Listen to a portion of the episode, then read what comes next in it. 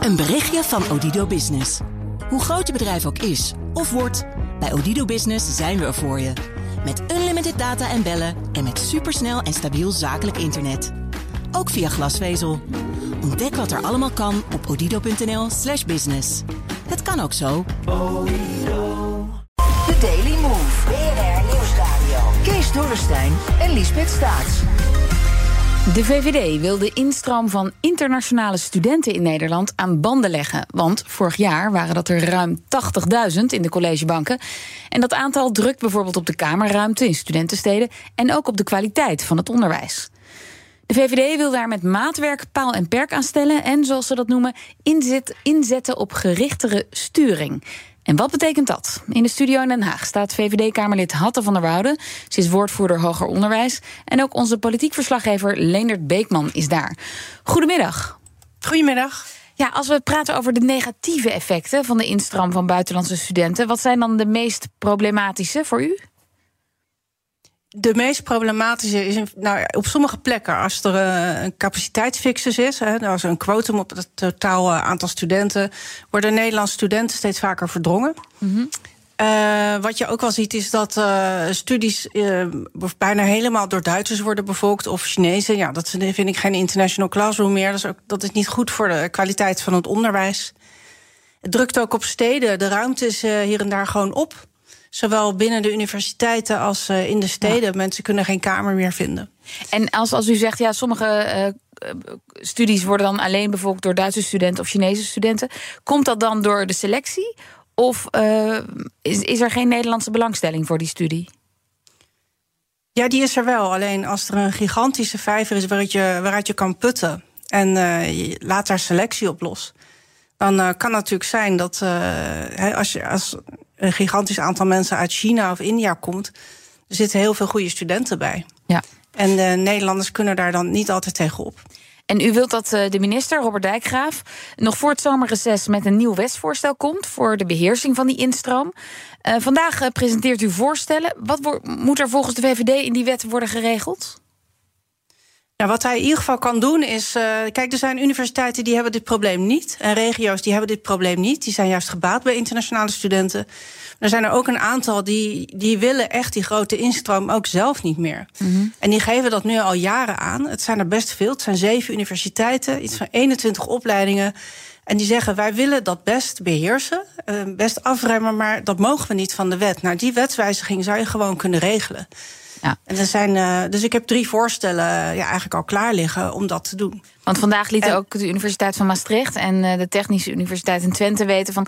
Nou, wij hebben ze juist nodig, die buitenlandse studenten. Dat is beter voor ons onderzoek.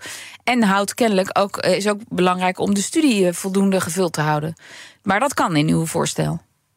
Ja, dat is vaak ook zo. Kijk, zonder internationale studenten en zonder wetenschappers uit het buitenland zouden heel veel prachtige onderzoeksprojecten stilvallen. In Maastricht, de Einstein-telescoop, dat traject zou helemaal niet bestaan zonder buitenlandse inmenging. Dus dat is hartstikke goed. Ja. En uh, in Twente geldt dat ook. Dus het is niet zo dat je kan zeggen het moet overal minder. Je moet daar uh, slim over nadenken. Dus gerichte internationalisering noemen wij dat. En Leendert, uh, deze zorgen, worden die door de minister gedeeld? Wel degelijk. Dat heeft hij ook de Kamer al laten weten. Maar ik heb net ook even zelf gesproken. En toen zei hij het volgende. Ja, ik deel die zorgen. Als ik kijk naar internationalisering, denk ik het heeft grote voordelen voor Nederland. Dus we kunnen mensen aantrekken voor de arbeidsmarkt, voor internationale functies. Maar het geeft ook lasten in termen van uh, overvolle collegezalen, huisvestingsproblemen. Dus mijn punt is, als er plussen en minnen zijn... laten we dan die plussen zo hoog mogelijk te maken... en de minnen zo laag mogelijk. En ik denk dat uh, daarvoor hebben we denk ik nieuw beleid nodig. Nou, ik ben ook bezig uh, met dat beleid te formuleren. En uh, het belangrijkste is denk ik dat we een duurzaam beleid hebben. Dat wil zeggen dat we ook weten dat we in controle zijn over deze studentenstromen die ook ons land heel veel goeds bieden. Ja, en dan hebben we het over die studentenstromen. Jij zei het net al, Liesbeth. 80.000 internationale studenten volgen een opleiding aan een Nederlandse universiteit. Dan laten we dat even afzetten tegen het collegejaar 2005-2006. Toen waren dat er zo'n 12.500. Nou ja, en ja, ja, en dan zie je dat het in 16 jaar tijd, 17 jaar tijd enorm gegroeid is. Dan wordt er vanavond over gesproken hier in de Tweede Kamer, gedebatteerd. Maar de minister heeft beloofd nog met een brief te komen met maatregelen. De brief is er alleen nog niet. Dus ja, de vergadering vanavond, het debat, is toch meer een brainstorm-sessie tussen Mhm. Kamer en minister. Om te kijken van ja, wat zijn de mogelijkheden? Waar, waar zijn de knoppen waar we aan kunnen draaien?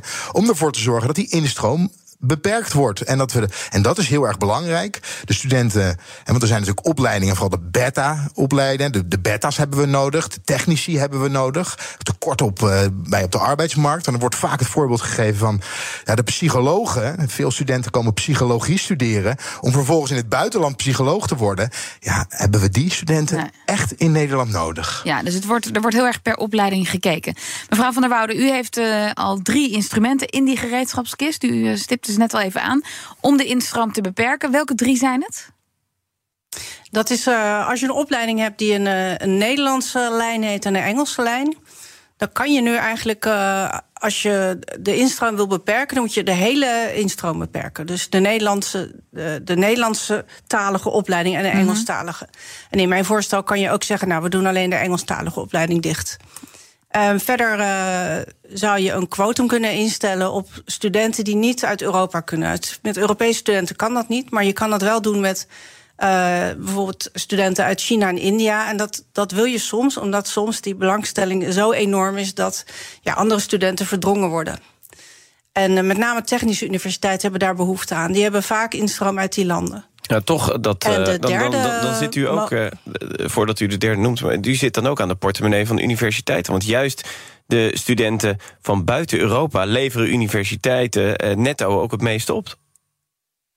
Nou, dat valt hartstikke, punt 1 hartstikke tegen. En punt 2, dit is wat de universiteiten zelf Nou, vragen. nou, het dus is, ik het zit er levert, niet aan. Buitenlandse studenten leveren de schatkist anderhalf miljard euro per jaar op.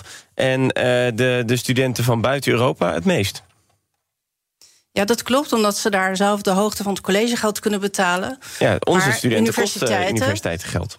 Universiteiten zeggen zelf eh, dat het voor hen niet interessant is om die grote instroom op die manier vol te houden. Dus ik zeg niet, ik kom aan uw portemonnee. Ik zeg, als universiteiten die instroom willen remmen, dan geef ik ze dus die optie. En die optie kunnen ze gebruiken. En die kunnen ze ook niet gebruiken. Maar zij zijn, ze zeggen zelf in het belang van kwaliteit van onderwijs en toegankelijkheid en de ruimte die we hebben en toegankelijkheid voor Nederlandse studenten, willen wij dat gewoon beter kunnen sturen. En wat ze ook willen kunnen doen is gewoon wat een betere mix. Dat je, als je internationale studenten hebt, dat je ook kan zorgen dat ze uit verschillende landen komen, niet allemaal uit één. En dat is allemaal goed voor het onderwijs. En was dat ook het derde punt? U, u moest nog één punt noemen. Uw laatste punt van het plan. eh. Ja, ook sorry, ik hoorde Ja, niks ja, meer. ja. Het laatste punt is, als er een, een heel plotselinge inschrijfpiek komt... dan willen ze een noodstop kunnen instellen. Ze hebben dat in het verleden wel eens eh, nodig gehad. Toen kwamen er opeens eh, 400 studenten voor één ICT-opleiding. Nou willen we natuurlijk dat eh, eigenlijk ICT-opleidingen geen fixes hebben... maar ja, eh, je moet ook genoeg docenten en ruimte hebben. Dus je moet dan acute inschrijving kunnen stoppen. Ook dat mogen universiteiten nu niet doen. Dat is eigenlijk in geen enkele sector. Hè? Dat je zegt van hoeveel klanten er ook komen, je moet ze bedienen en wel nu. Ja, dat, dat kan soms gewoon niet. En ze vragen dus hulp daarbij. En ze willen het liever niet inzetten, maar ze willen niet weer op hun knietjes naar de minister hoeven als dat probleem zich weer voordoet. Voordoet, ja. Want Leendert, hoe zit het eigenlijk met die wet? Kan een, elke onderwijsinstelling buitenlandse studenten weigeren?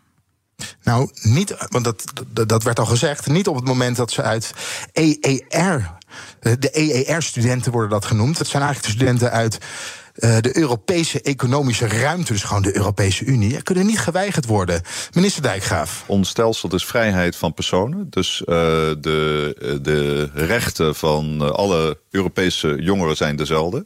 Maar we zien natuurlijk wel dat uh, we ook een belangrijke taak hebben hier voor, uh, nou, voor de Nederlandse studenten. En als je gaat kijken, dus wat zijn nou de elementen waarmee je daar kan sturen, dan zal je toch moeten concluderen dat ook taal een element is van deze discussie. En waarom zijn studenten, waarom is Nederland zo in trek bij studenten in Europa? Dat komt omdat we relatief laag collegegeld betalen hier om te gaan studeren. En zometeen wordt de basisbeurs weer ingevoerd. Je hebt ook recht op de basisbeurs. Dat gaat de schatkist. Kees had het net al even over de schatkist. Maar dat gaat de schatkist ook weer geld kosten. Ja. En mevrouw Van, van der Woude, is, is deze wet, of die nieuwe wet die u graag ziet. Is dat ook een manier om de instroom van migranten te beperken? Waar het al de afgelopen maanden steeds over gaat? Ja, daar gaat het afgelopen maanden over. Maar deze discussie uh, die duurt natuurlijk al sinds 2018. Ik hoorde de minister net over. Ja, we hebben plussen en een minnen moeten we over nadenken en beleid maken. Nou, daar zijn we nu vijf jaar mee bezig. En uh, deze minister nu, is er nu een jaar over aan het nadenken. Dus deze discussie speelt al heel lang en heeft met veel meer te maken dan uh, druk op steden. Het gaat ook echt om de kwaliteit van ons onderwijs. Het gaat inderdaad ook wel over kosten. Even los mm -hmm. van de beurs. Uh, EER-studenten, daar betalen wij allemaal ook aan mee, evenveel als voor Nederlandse studenten. Als je dan weet dat er zes keer meer binnenkomen dan eruit gaan kan je het plaatje wel een beetje maken. Ja. Dus er zijn gewoon heel veel factoren die hier meespelen. Toch hoor ik ook wel bij uw collega's die, hè, die zich tegen migratie, uh, die zich met migratie bemoeien, dat ze zeggen van ja, we hebben maar een paar knoppen waar we aan kunnen draaien hè, om de instroom te beperken. En internationale studenten, dat is één knop, ja, die is vrij simpel, hè, relatief simpel om daar aan te draaien. En het zijn een hoop studenten die naar Nederland toekomen. Hier ook het druk geven op de woningmarkt. Dus laten we eens kijken hoe hoe efficiënt het is om daadwerkelijk die knop ja. uh, een stukje naar links te draaien, dus een stukje dicht. Ja, en het is natuurlijk deel van het geheel, maar uh, het, het is niet relatief simpel. Je moet er echt goed over nadenken. Omdat instellingen zo verschillend zijn in Nederland. Een instelling in de regio zit in een heel andere positie dan uh, eentje in Amsterdam. En een hogeschool ook heel andere dan een universiteit. Hogescholen hebben dit probleem eigenlijk bijna niet. Sterker nog, ik hoorde laatst van een opleiding civiele techniek in het zuiden die, uh, ja, die kan gewoon omvallen als die instroom, omdat Nederlandse jongeren er niet voor kiezen. En daar hebben we ook mee te maken. En nog even terug naar het voorstel van u. Want u wil geloof ik ook dat er op ne Nederlandse hogescholen en universiteiten weer Nederlands wordt gesproken en niet standaard Engels. Nee, dat, kijk, het staat al in de wet dat in principe Nederlands de voertaal is. En er zijn goede redenen om daarvan af te wijken en om uh, opleidingen in het Engels aan te bieden. Uh, zeker in de masterfase, als je echt research gaat doen. Mm -hmm. Maar je moet dat wel beargumenteren. Dat staat ook al in de wet. En dat gebeurt nu eigenlijk niet meer. Omdat uh, we niet meer zo goed weten wat we dan bedoelen met uh, als het nodig is. Die criteria zijn niet meer helder. En omdat die deur zo ver open is gezet, heb je gezien dat sommige instellingen ook opleidingen in het Engels zijn gaan geven, gewoon om studenten te trekken. En dat was niet de bedoeling. En ik heb dat zelf ook wel meegemaakt dat een, uh, toen ik zelf in het hoger onderwijs werkte, dat een opleiding het zwaar had. En dat werd gezegd, nou weet je wat, we zetten hem om in het Engels en dan komen ze weer. Ja, dat, ja. dat werkte. Ja. Dus dan is het een, een, een verdienmodel en dat is niet de bedoeling. En dat mag ook niet meer, dat actief werven. Leendert, is er genoeg steun voor in de Kamer, denk je? Nou ja, eigenlijk wel. En dat, uh, dat kan je al zien aan een aantal moties. Uh, voor, de, voor, de, voor het kerstreces zijn er een paar moties ingediend. Eentje om in ieder geval ervoor te zorgen dat er niet meer actief geworven wordt in het buitenland om hier studenten naartoe te krijgen. Nou, dat kreeg een meerderheid van de Kamer. En de Kamer wil hier heel graag over spreken. Nogmaals, vandaag gebeurt dat, maar er ligt nog geen brief van de minister. Dus het zal toch een beetje ja, zoals ik al zei, uh, een brainstorm een, uh, worden, brainstorm worden ja. tussen de Kamer en de minister. Met de benen maar, op tafel. Uh, het uiteindelijk steun vinden om de internationalisering aan te pakken. ja, de steun zal er zeker zijn in de Kamer.